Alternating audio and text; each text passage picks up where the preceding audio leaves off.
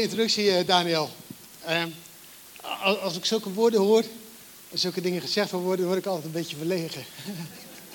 en dan denk ik van, oh, de, de lat ligt weer hoog voor mij. De mensen gaan er heel erg naar me kijken en de lat ligt weer hoog voor mij. Ehm, ehm, je moet wel heel veel vertrouwen in mij hebben, Daniel, vanuit het verleden, dat je mij zo introduceert. Oh, wow, dat, dat doet me wat. Aan de andere kant moet ik me misschien wel beseffen. hey, Klaas-Jan, je hebt je heel je best gedaan, je hebt je altijd ingezet, dat klopt en zo. Maar het is de Heilige Geest die door mij heen gewerkt heeft. En dat is echt waar. Ik, ehm, ben zo dankbaar dat ik die Heilige Geest heb, dat die Heilige Geest hebben. Dat als we hier staan in deze wereld, als we hier functioneren op de plek waar we staan, dat we mogen weten dat het vanuit mezelf, en zo ben ik, vanuit mezelf zou ik het kort schieten. En zou ik falen. En zou ik het niet, niet redden. Maar doordat die Heilige Geest door mij heen kan werken, en door mij heen wil werken en mij wil gebruiken, dan gebeuren de grote dingen. En als die Heilige Geest aan het werk gaat, nou, misschien mogen die verwachtingen dan inderdaad werkelijkheid worden die Daniel heeft neergelegd. En dan ben ik blij en dan voel ik me gerust en een stuk ontspannender in het feit dat ik inderdaad uh, in afhankelijkheid hier mag staan. Uh, in afhankelijkheid hier mag zijn. En gewoon zo samen mag, mag, mag doorgeven datgene wat God me geopenbaard heeft door de Heilige Geest. Um, ehm, CLC Rotterdam. Ik, ik vind het altijd zo leuk om jullie te zien. Ik vind het leuk om jullie te ontmoeten. En als ik al die mensen weer tegenkom, dan denk ik al die mensen die zo stralen. En weet je, jullie laten heel veel zien van God door jullie heen. Jullie laten heel veel zien van God in, de, in, deze gemeente. Als ik hier kom, dan word ik echt elke keer onder indruk van hoe God zichtbaar is door datgene wat jullie doen. Hoe mensen hier betrokken zijn, hoe mensen hier aan het werk zijn. Soms heel praktisch en soms ook heel geestelijk. Maar door alles heen is God zichtbaar in datgene wat er hier gebeurt. En uh, ik hou echt van jullie. Ik vind het echt uh, leuk om dat te zien. Uh, ik hou echt van jullie als, als, als CLC Rotterdam. Ik ben hier natuurlijk een paar keer geweest. Ik heb een paar serie bijbelstudies gedaan. En ik kom altijd met enthousiaste verhalen thuis. Dus toen ik vandaag gevraagd werd om te komen prediken, dacht ik, oh wat een voorrecht, wat leuk om te doen. En toen ik tegen mijn vrouw gezegd, nou moet je een keertje mee. ja, en, en, dat vond ze ook leuk. Ze zei, ja, dat, dat, ze me al zoveel, zoveel, ze heeft zoveel positieve verhalen van mij gehoord. Zoveel uh, indrukken die ik doorgegeven heb. Dat ze dat ik graag een keertje wilde meemaken. En ik vind het leuk dat ze erbij aanwezig is. Um, ik, ik, geef het onmiddellijk toe. En een aantal van jullie weten dat al van mij. En ik vind het leuk om al jullie maar weer te zien en alle mensen weer tegen te komen. Maar een van de dingen waar ik zo slecht in ben, is uh, het onthouden van namen, weet je wel. We, hebben overigens een minister van Buitenlandse Zaken die er ook last van heeft. Wisten jullie dat, Stef Blok? Dus dan wordt er iemand aan hem voorgesteld en die zegt: Leuk je je te ontmoeten. En dan heeft hij dat al zes keer eerder gebeurd, heeft hij dat al zes keer eerder gezegd. Dus ik ben niet de enige die het overkomt. Volgens mij zou onze minister van, van Buitenlandse Zaken, Stef Blok, zou een soort van PA moeten hebben of zo, weet je wel. Die loopt ernaast van, joh, dat is nou Donald Trump, de president van de USA. en dat is Poetin, dat is de president van, de, eh, van de Rusland. Um, of Merkel. En soms denk ik, zo, zo iemand zou ik ook een beetje nodig hebben. Dus als ik je naam soms vergeten ben, uh, moet je me dat niet kwalijk nemen. Maar ik, ik ja goed, ik moet eraan werken.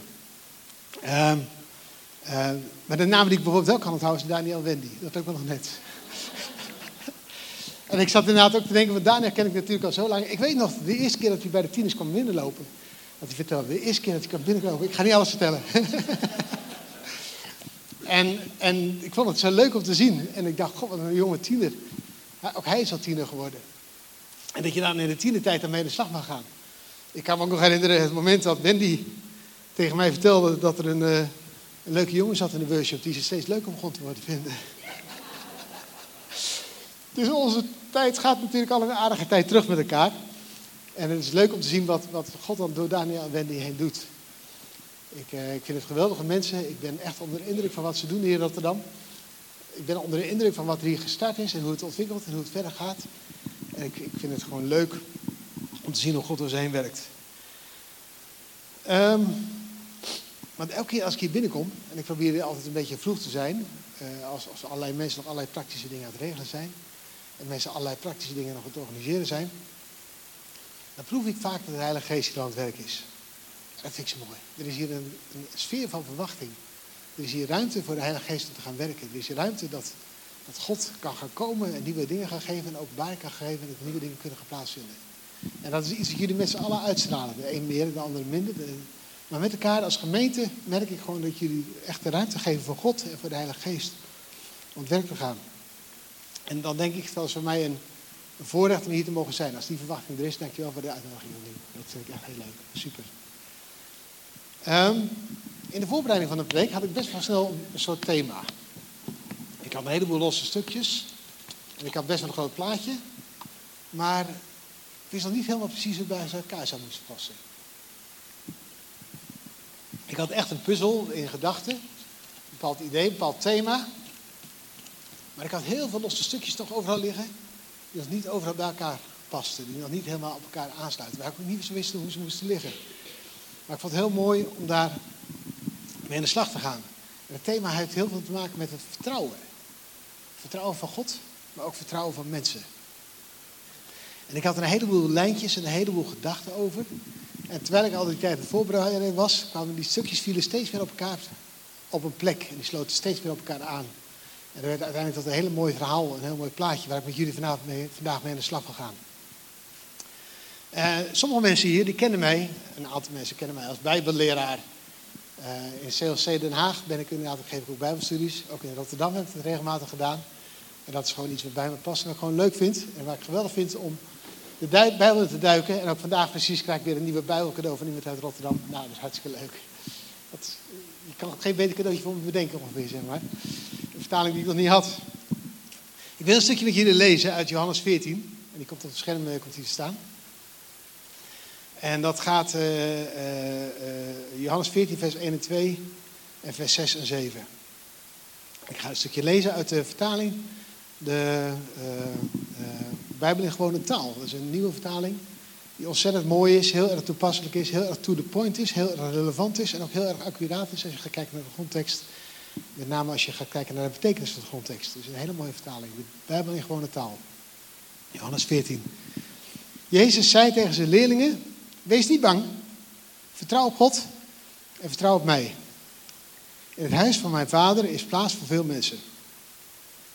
Dat was ook wat in de pre-worship echt naar voren kwam. Dat we echt inderdaad gezongen hebben. Inderdaad, er is ruimte voor ons. In het huis van God is plaats voor veel mensen. Ik voel me helemaal op mijn plek. Toen nog gezongen werd. Ik heb gezegd, jullie mogen mij vertrouwen, zegt Jezus. Want ik heb gezegd dat ik wegga om voor jullie plaats te maken. In vers 6. Jezus zei, ik ben de weg. Bij mij is de waarheid en bij mij is het leven. Je kan alleen bij de Vader komen als je mij gelooft. Als jullie mij kennen, zullen jullie ook de Vader kennen. Laten we eerst eens even kijken naar de omstandigheden waar een stuk ziet. Want als je iets weet over de omstandigheden waarin het stuk gezegd is, wanneer het stuk geschreven wordt, wanneer de tekst gesproken wordt, dan snap je vaak meer van de achtergrond en van de inhoud van de tekst. Een aantal mensen die hier uh, aanwezig zijn, die hebben ook in mijn, mijn Bijbelstudie gevolgd, die ging over het Johannes-evangelie. En het Johannes-evangelie is heel erg globaal, is dat op te verdelen eigenlijk in twee hele grote stukken. Ongeveer vanaf Johannes hoofdstuk 12 zit er een knik in, in dat evangelie. En die eerste helft van het evangelie gaat over de eerste drie jaar van de bediening van Jezus. En de laatste helft van het evangelie gaat eigenlijk over de laatste drie dagen van het evangelie van Jezus. De laatste drie dagen waar de dingen gebeuren. Dan komt er nog een stukje de arrestatie, de leidersweg en de opstanding. Maar dus die knip is eigenlijk heel duidelijk van drie dagen, drie jaar, de eerste helft van het Johannes-evangelie. En de laatste helft van het Johannes-evangelie, drie dagen. De laatste drie dagen van het evangelie, waarin Jezus eigenlijk het evangelie brengt, waarin Jezus op aarde is voor zijn arrestatie. En daar zit veel in het Johannes-evangelie uit die laatste drie dagen van zijn bediening, waarin hij sprak. Dat is het tussenstukje, dat is Johannes 12, vers 35. Dat ga ik nou niet voorlezen, maar dat is ook opeens een hele andere tekst, een andere toon, een andere setting. Dan komt er een soort van vertaler, verteller aan het woord. Die gewoon even zegt van, joh, we hebben nou dat stuk gehad. En Jezus heeft bijzondere dingen gedaan en nu gaan we de bijzondere tijd in. Johannes 12, 35 is dat. Maar dit stukje, Johannes 14, waar we net gelezen hebben, dat gaat dus eigenlijk over uh, de, de laatste dagen van, uh, van, van het evangelie van Jezus. De laatste dagen van zijn bediening. Jezus, als je gaat kijken naar de eerste, eerste helft, dan begint de bediening van Jezus begint ongeveer met de bruiloft van Cana. Dat is ongeveer een van de eerste dingen die bekend is, Johannes 2. En dat gaat door tot Johannes 11. Johannes 11 is de opstanding van Lazarus. Dat is een beetje vlak voordat de periode vlak voordat Jezus gearresteerd gaat worden. Dan komt Johannes 12. En dan uh, dat tussenstukje. En dan gaan we door in die laatste drie dagen van de evangelie van Jezus. Dus die laatste drie dagen, als Jezus weet dat zijn einde aan komt, als Jezus weet dat het niet lang meer zal duren voordat hij opgestart wordt, dan zijn onderwijs met de discipelen wordt natuurlijk anders. Zijn onderwijs wordt wat persoonlijker, wordt, wordt duidelijker, hij wordt wat, weet het, hij, hij waarschuwt ook de discipelen voor wat datgene wat komen gaat. Juist die laatste drie dagen, als Jezus weet dat dit de laatste drie dagen zijn van zijn bediening, dat hij met de discipelen optrekt, dan heeft hij daar hele bijzondere tijden mee. En in Johannes 13, nou dat ga ik ook even niet lezen, maar dan weet je dus dat Jezus Petrus al waarschuwt. Dus Jezus heeft Petrus gewaarschuwd van, joh, voordat de haan kraait zal je me verlogen hebben. En dan komt Johannes 14. Dus het is ongeveer de laatste momenten dat Jezus nog spreekt met de mensen, voordat hij gearresteerd gaat worden. Het is een van de laatste dingen die Jezus zegt. Een van de belangrijke dingen, want op het moment dat je de laatste, de, laatste woorden spreekt, dan zijn het geen, geen oppervlakkige woorden weer, maar dan heb je serieuze woorden van. Dan ga je vertellen datgene wat echt belangrijk is en datgene wat op je hart ligt. Laten we die, uh, die tekst nog eens een keer lezen. Jezus zei tegen zijn leerlingen: Wees niet bang. Vertrouw op God en vertrouw op mij. In het huis van mijn vader is plaats voor veel mensen. Daar mag je op vertrouwen. Want ik heb gezegd dat ik wegga om voor jullie plaats te maken. Jezus zei: Ik ben de weg. Bij mij is waarheid en bij mij is het leven.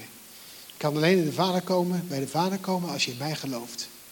Als jullie mij kennen, zullen jullie ook mijn Vader kennen.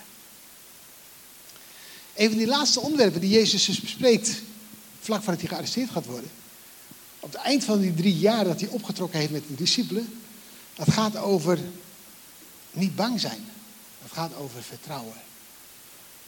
Dat gaat over vertrouwen. Vertrouwen wat mensen mogen hebben, waardoor ze niet bang hoeven te zijn.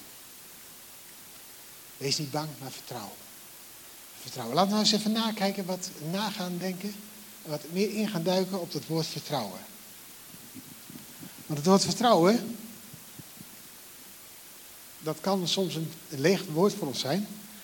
Maar wat wat, wat, wat, wat, wat er nou, wordt er nou bedoeld? Wat bedoelt de Bijbel? Wat is het ook betekenis van het woord? Of hoe we dat handen en voeten kunnen geven?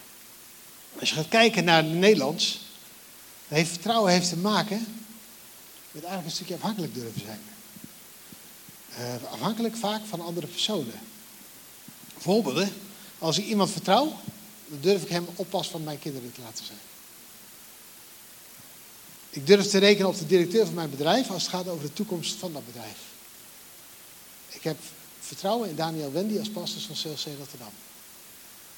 Dat vertrouwen wat we hebben, wat we mogen hebben, dat is heel vaak gekoppeld aan mensen. Dat is gekoppeld aan mensen met wie we omtrekken.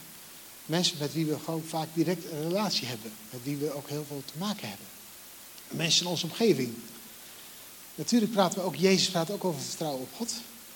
Maar zoals Daniel het net al zei, het vertrouwen op God, of de relatie met God, staat nooit los van datgene wat je een relatie met mensen hebt en wat je met mensen meemaakt. Dus vertrouwen is een hele belangrijke eigenschap om daarmee aan de slag te gaan. Vertrouwen is eigenlijk uh, uh, heel grappig. Het is een zelfstandig naamwoord. Het is een, een, ding wat je kan doen. Maar het is, in dat opzicht het is ook een werkwoord. Vertrouwen is iets wat je in praktijk kan brengen. Vertrouwen is iets wat je zelfs kan kiezen om dat te doen. Vertrouwen is dus een keuze. Vertrouwen op God, misschien ook wel door, door, door God heen naar, mensen toe, waar we daar ook op doorgaan, heeft te maken met keuzes die je kan maken in je leven. Um, als zelfstandig naamwoord wordt het woord vertrouwen ook vaak gebruikt in het woord ik heb een stukje klein studie gedaan over het, woord. Ik zal het niet al te moeilijk maken, maar het woord confidentie.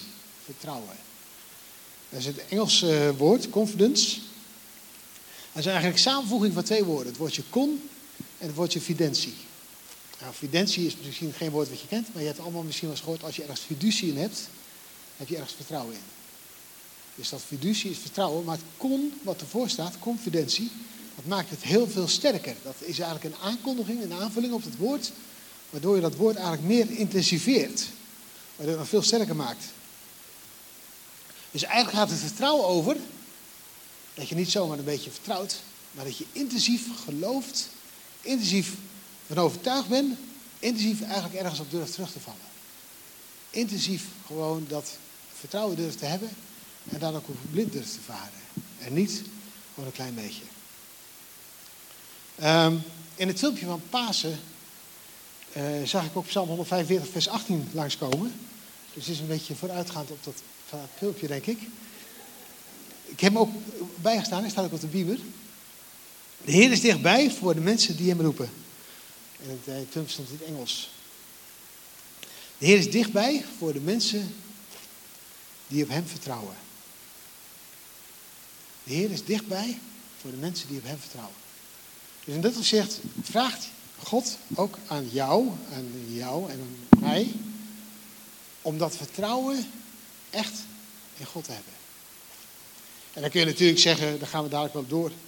Uh, ja, natuurlijk, ik vertrouw wel God. Maar dan komt het moment dat het op handelingen aankomt. Dan komt het aan op het moment dat je actie gaat doen. Dus dan ook inderdaad echt God te vertrouwen. Dus dat vertrouwen echt in praktijk te brengen.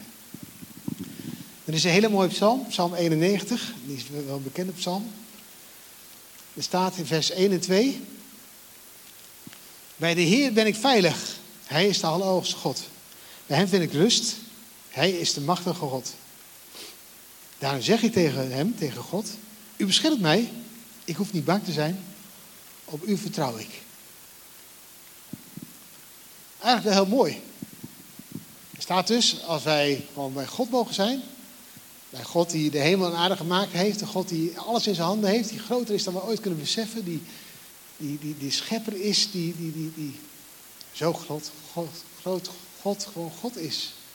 We niet kunnen beseffen. Dat we daar ons vertrouwen in hem mogen stellen. Dat ons vertrouwen bij hem mogen neerleggen. U beschermt me.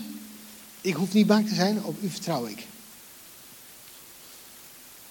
Nou, ik moet eerlijk zijn. Er zijn situaties waarin ik wel een beetje bang ben. Waarin ik onzeker ben. Waar ik dan denk, durf ik dingen wel te doen? Durf ik stappen te gaan maken? Durf dingen te gaan, uh, de, de, risico's te nemen? Omdat ik vertrouw dat God gaat, God gaat beschermen. Dan zeg ik tegen hem, en dat is eigenlijk een proclamatie van de psalmist. Ik zeg tegen God, u beschermt mij, ik hoef niet bang te zijn, op u vertrouw ik. Je mag best weten dat ook als ik hier sta, dat blijft voor mij altijd spannend. En ik heb het ook echt hardop van tevoren tegen God uitgesproken. Heer God, u beschermt mij. Ik hoef niet bang te zijn. Op u vertrouw ik. Maar dat ging ook op andere momenten. Momenten dat ik, mensen die mij kennen, die weten dat ik vijf jaar met een krukken en stok heb gelopen vanwege ziekte en vanwege verbrijzde enkel. En dat ik geen uitzicht had. En ook toen, in die periode, mocht ik zeggen, Heer God, ik, u, beschermt mij, ik hoef niet bang te zijn, u vertrouw ik. God heeft bijzondere dingen gedaan. Weet je, eigenlijk is het wel helder, hè? Dus uh, we vertrouwen op God. En als ik nou aan jullie zou vragen, dat ga ik niet doen, maar als ik naar jullie zou vragen, wie vertrouwt er dan op God? Ben ik van overtuigd dat heel wat handen omhoog zouden gaan. Maar toch ga ik jullie stretchen en een beetje uitdagen. Goed zo. Geldt voor mezelf ook. Want hoe ver durven wij God te vertrouwen? Durven wij inderdaad echt God te doen, datgene wat Hij van ons vraagt? Er zijn twee uitersten in het Oude Testament. Die allebei heel veel met vertrouwen te maken hadden. De ene ging er negatief mee om en de andere ging er positief mee om. Uh, hoe zat het ook weer met Jona?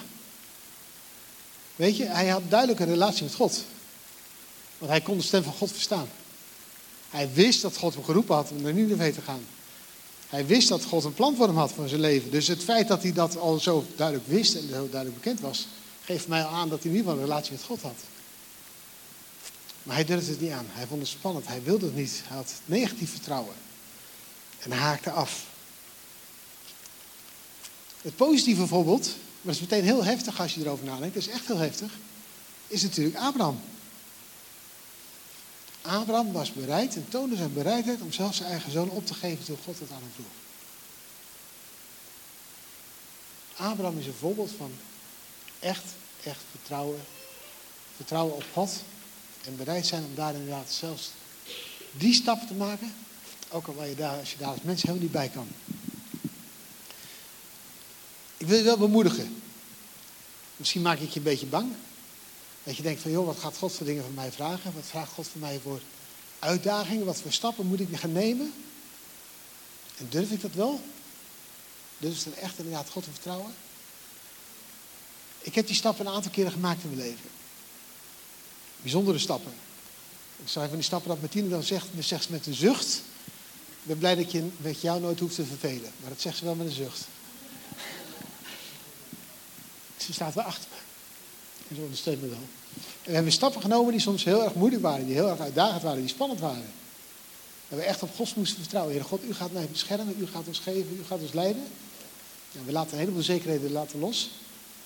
Maar u gaat ons, we verleggen ons leven en vertrouwen in u. En God heeft nooit teleurgesteld. God heeft echt nooit teleurgesteld.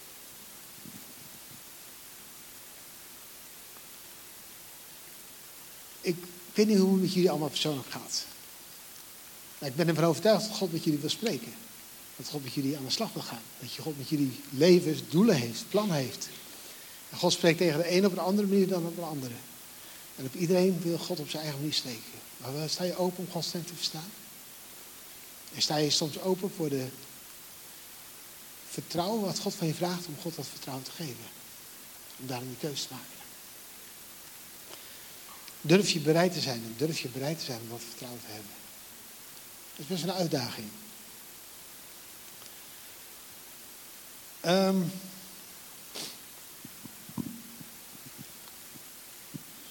toen ik aan het, voorbereiden was van deze preek, toen, ik zei een van de puzzelstukjes was een heel mooi nummer van Elevate uh, Worship. Steven Furtick, Do It Again, dat nummer. Um, waarin heel eerlijk is en heel erg oprecht is over het feit dat we soms nog wel tegen muren aanlopen. Dat we soms met onze kop nog steeds tegen de muur aanlopen, dat we er niet doorheen zijn gekomen, dat het lijkt alsof we elke keer vastlopen. Waarin het stuk heel eerlijk is dat er soms bergen zijn waar we overheen moeten die we ontzettend lastig vinden. Waar we mee worstelen en die we nog steeds niet geveld hebben, die we nog steeds niet overwonnen hebben. Dat, uh, dat nummer is Do It Again. Walking around these walls, muren waar ik omheen loop. I thought by now they had fall. Dacht dat ze al gevallen zouden zijn. Maar wat spreekt hij uit, de zanger? But you have never failed me yet. Heer God, die hebben me nog nooit teleurgesteld. Ik ben nog steeds in uw handen. I still in your hands. But this is my confidence. En daar heb je weer. Het vertrouwen waar we het over hebben. Het sterkere vertrouwen, dat het, het, het, enorme krachtige vertrouwen wat je uit mag hebben, mag je terug mag vallen. Het vertrouwen waarin je gewoon steeds mag weten, je hebt me nog nooit, nooit teleurgesteld. Dat vertrouwen in God. We gaan dadelijk door op vertrouwen in mensen. Maar de basis is een stukje wel vertrouwen in God. Want ik ben ervan overtuigd dat als ik vertrouw op God, dat Hij mijn leven leidt. En als ik opensta om mijn leven te laten leiden, dan gaat God ook voor mij zorgen. Ook met de mensen met wie ik te maken heb in het dagelijks leven. Of met de mensen met wie ik te maken heb in de kerk. En waar ik dan ook een stukje vertrouwen in die situaties en die mensen mag hebben. De basis is dat vertrouwen met God. Ik, uh, Abraham is natuurlijk een heel mooi voorbeeld. Die liet alle praktische omstandigheden liet los, behalve het voorbeeld van, van zijn zoon. In een andere situatie liet hij alles los wat hij had. Zijn, zijn grond, zijn, zijn zekerheid, zijn bestaansrecht wat hij had. En hij ging op reis. Alleen met de belofte die God hem gegeven had. En dat vertrouwen durfde hij te gaan. Abraham was gewoon iemand die gewoon ging in vertrouwen met God.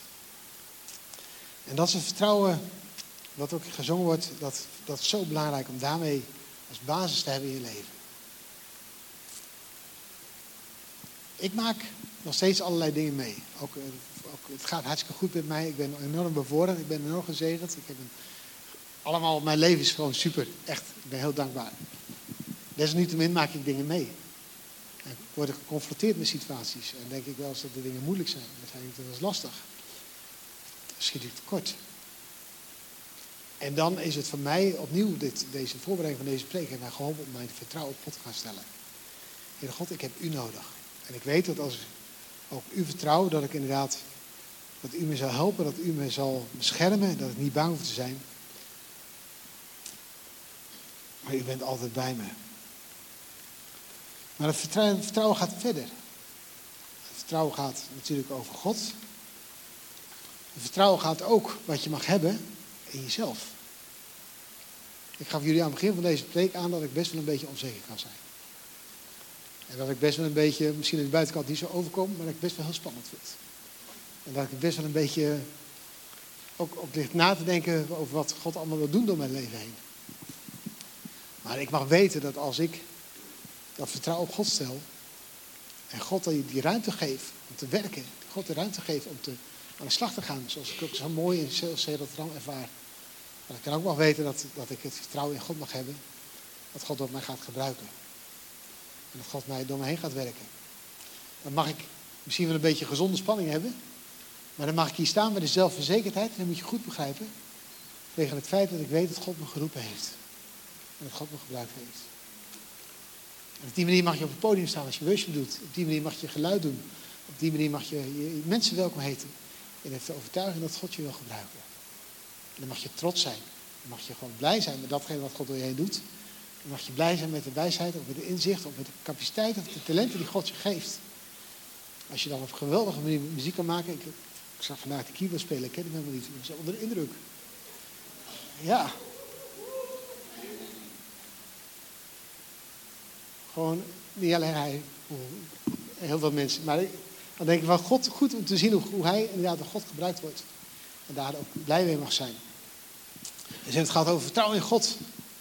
En God die door jou heen wil werken. Vertrouwen mag je nog hebben in jezelf. Maar dan komt nou de lastige. Dat is vertrouwen wat je soms moet hebben in anderen. Vertrouwen wat je moet hebben met mensen met wie je, op je trekt, met wie je optrekt. Als we vertrouwen dat, als we vertrouwen hebben dat God in ons werkt, dat God ons leidt, dan brengt God ons ook op naar de mensen en de situaties waarin we ook dagelijks functioneren. En dat is ook leiding van God, dat we dan met die mensen om gaan. Uh, heel eerlijk, ik werk bij, uh, ik, ik, heb gewoon een hele gewoon een seculiere baan. Ik werk bij het UWV in de hoofdkantoor in Amsterdam. Uh, een hele vage baan, daar zal ik verder niet op ingaan. maar ik heb wel eens, ik heb een leidinggevende, uh, waar ik wel eens mijn uitdagingen bij heb, zeg maar. Ehm, waar ik het wel eens, die ik altijd niet heel erg snap. Weet je, als ik zeg dat ik het niet snap wat hij zegt, dan zeg ik eigenlijk dat ik het niet eens ben met datgene wat hij zegt, maar ik zeg het op een vriendelijke manier. ik zeg, ik snap er niks van wat je doet. Dat wil eigenlijk zeggen, ik ben het helemaal niet eens met datgene wat je doet. Maar mijn communicatie naar hem toe is van, joh, ik snap eigenlijk niet wat je nou aan het doen bent. En dat is ook mijn communicatie naar God toe. Want ik snap niet dat hij, ik snap niet waarom bepaalde dingen gebeuren. Ik snap, uh, en dan is het mij om een keuze te maken, om niet te gaan oordelen. En het aan mij een keuze te maken om te gaan vergeven als er fouten gemaakt zijn. Is het aan mij om ervoor te zorgen dat ik geen wrok heb richting mijn leidinggevende. Maar bewust te zijn van het feit dat als God mij geleid heeft en ik bereid ben om me door God te laten leiden. En God me die geweldige baan, want dat is het echt, die geweldige baan bij UWV gegeven heeft. Moet God ook het vertrouwen voor de leidinggevende waar ik mee te maken heb. Snap je dat? En dat gaat ook zo door natuurlijk een andere situatie. Um, er is uh, iemand die zei. Ik ben even mijn, uh, mijn lijn, kwijt. Um, het is heel belangrijk om te vertrouwen. Maar iemand zei ooit een keertje: Weet je, vertrouwen is goed, controle is beter. Weet je wie dat was? Dat was Lenin. Die ook hele rare dingen zei over God en zo. Dus dat, we gaan dat dus niet heel serieus nemen. Hij zei: Vertrouwen is goed, controle is beter. Maar weet je dat controle. Weet je waar het controle toe leidt? Altijd. Controle leidt tot een oordeel. Als je iets gaat controleren, ga je kijken of iets past of goed is in jouw beleving of dat het niet goed is in jouw beleving. Controle leidt tot een, een oordeel. Klopt het of klopt het niet? En uh, toen, toen ik dat realiseerde, Lenin die zei van vertrouwen is goed, controle is beter. En controle leidt eigenlijk tot een oordeel.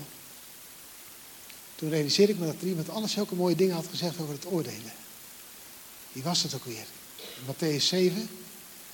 Jezus die zei van oordeel niet, opdat je niet geoordeeld wordt. Matthäus 7, vers 1 en 2. Met het oordeel waarmee je oordeelt, zul je zelf geoordeeld worden. En met de maat die je meet, zal je ook zelf gemeten worden. Uh, er was een, uh, een, voorloper van Dr. Phil, Dr. Phil avant la lettre, in jaren 60.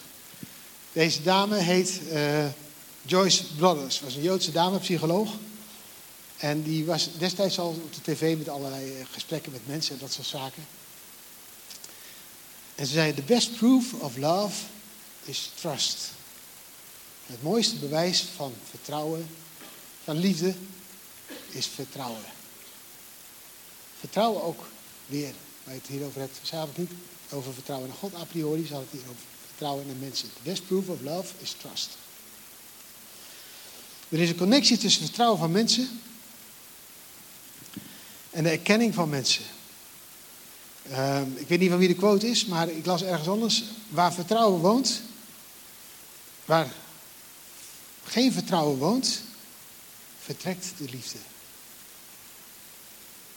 Waar geen vertrouwen woont, vertrekt de liefde. Dat is eigenlijk best wel heel heftig. We hebben het dus gehad over het vertrouwen. Vertrouwen over de ene kant op vertrouwen op God. Vertrouwen op God die, die door je heen wil werken. Vertrouwen op jezelf. Dat God door je heen wil werken. Ook vertrouwen van mensen. Waar geen vertrouwen woont, vertrekt de liefde. Als er geen vertrouwen meer is, dan kun je met de liefde ook wel schudden. En laten we nou even heel eerlijk zijn, als, als Nederlanders onder elkaar, ook al waar we ook allemaal vandaan komen, waar zijn we als Nederlanders heel goed in? In het oordelen. Oordelen en veroordelen. En als jij oordeelt, en daar praat ik niet alleen tegen jullie, maar ik praat ook tegen mezelf, echt waar. Als jij oordeelt, wil het eigenlijk zeggen dat er geen vertrouwen was bij jou. Als jij namelijk had vertrouwd, hoef je helemaal niet te controleren. Dan hoeft je ook niet tot een oordeel te komen. Als jij oordeelt, geeft het aan dat er een stukje gebrek aan vertrouwen, was bij jou. Um, als jij oordeelt, laat je daarmee zien dat er eigenlijk het vertrouwen er niet was. Laat je zien vaak een stukje gebrek aan liefde. Waar, wantrouwen woont, daar is de liefde vertrokken. Hey, uh, ik zie je dan heel serieus kijken. Ik, ik, begon zo mooi, hè? Vertrouwen op God, Johannes 14, en alles zal goed komen. En het begon zo mooi, Jezus beschermt mij, God beschermt mij, bij God ben ik veilig, Psalm 91. Maar dit gaat over het vertrouwen in God. Dit is hier eigenlijk in eerste instantie aan de wortel van datgene wat we doen, ook in de mensen om ons heen. Het vertrouwen in God ligt aan de wortel, aan datgene wat we doen, met de, met optrekken en onze mening vormen en de controle van de mensen om ons heen. De basis daarvoor is vertrouwen in God. En als het vertrouwen in God goed is, en als we vertrouwen in God weten dat God ons heen werkt en God ons persoonlijk gebruikt, dan mag je ook weten dat het vertrouwen ook God op die manier werkt in de mensen om ons heen. En de omstandigheden over ons heen. Um, niet dat alles vanzelf gaat. En niet dat alles gemakkelijk gaat. En niet dat er nooit fouten gemaakt worden. Er zijn mensen die vertrouwen in mij hebben, zoveel vertrouwen in mij hebben, dat ze mezelf vragen als spreker hier op zondag om een preek te doen.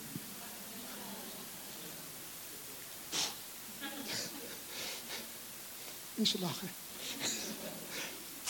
ik, ik, of all people, mensen die mij kennen weten hoeveel fouten ik maak. Maar ik tekort schiet. Mijn zoon is hier. Ik heb eens vaker tegen hem gezegd. En tegen andere mensen gezegd, je mag mijn zoon alles vragen. En hij zal eerlijk antwoord geven. En dan komt er genoeg boven water. Maak je niet ongerust. Maar toch, dat vertrouwen, dat zei ja, heel goed terecht. en toch houdt hij van me. Maar ondanks het falen, tekortschieten, wat ik ook heb, heb ik dat vertrouwen gekregen. En ondanks dat falen en tekortschieten, wat we alle andere mensen ook hebben, is het toch belangrijk om ze dat vertrouwen te gunnen. Om dat vertrouwen uit te spreken. Om als je vertrouwt op God en weet dat Hij je beschermt, dat Hij je leidt en Hij bij je is. En als je weet, dat God jou wil leiden, dan mag je ook vertrouwen op God, dat Hij je gebruikt in omstandigheden waar je dat dat moment bent. Als ik het heb over mijn werk, waar ik dingen niet snap, zoals ik net zo mooi zei, weet je wel mag vertrouwen op God en dat, dat vertrouwen wat God mij geeft, ook mijn leiding, naar mijn leidinggevende uitspreken. En dat gaat ook naar CLC. Er zijn ook wel eens dingen, heel eerlijk, die ik niet snap. Maar als ik weet dat God mij leidt. Als ik weet dat God me daar geplaatst heeft. En als ik weet dat God ons bij elkaar gebracht heeft en dat God ons naar elkaar toegebracht heeft, mogen we daar ook dat we in die positie staan en dat, dat, dat uitdragen, dat we in het vertrouwen hebben. En datgene wat God doet door de mensen heen in CLC. Laten we alsjeblieft stoppen, en dan meen ik een vraag, dus dat meen ik echt meen serieus. Laten we alsjeblieft stoppen om het verlengen met de lijn met datgene wat lenen zijn te controleren, om steeds te komen tot de oordeel. Natuurlijk gaan er dingen fout. En natuurlijk doen we dingen zelf fout. Maar ga aan de slag. Het belang van, van, van, van waarde. Soms zie je dingen fout gaan met iets waar je helemaal niet bij te maken hebt. Dan ga je wijzen, oh, dan gaan dingen fout. Het helemaal niet jouw business is. Een oog ziet dingen, je bent misschien een oog en je ziet de hand dingen fout doen. Nou ja, klopt. Maar ga alsjeblieft niet de hand niet beoordelen, want op moment andere mensen zullen ja, als oog het niet goed zien. Ga nou vertrouwen op God. Ook in die omstandigheden waar je soms dingen niet snapt. Als je de komende tijd gaat vertrouwen, dan bestaat de mogelijkheid, zoals Daniel ook een paar weken terug zei in de preek, als het gaat over het nemen van verantwoordelijkheid, als je verantwoordelijkheden wil nemen, bestaat de kans dat je opeens een andere verantwoordelijkheid krijgt dan dat je in eerste instantie zelf in gedachten hebt. En als jij er nu voor kiest om God te vertrouwen, jezelf te vertrouwen door God heen, en de mensen te gaan vertrouwen die God door je heen, om je heen geplaatst heeft, heb je best kans in de komende weken tegen situaties aanloopt die even lastig zijn. Dat je juist dan denkt van, waar moet ik nou heen met mijn vertrouwen?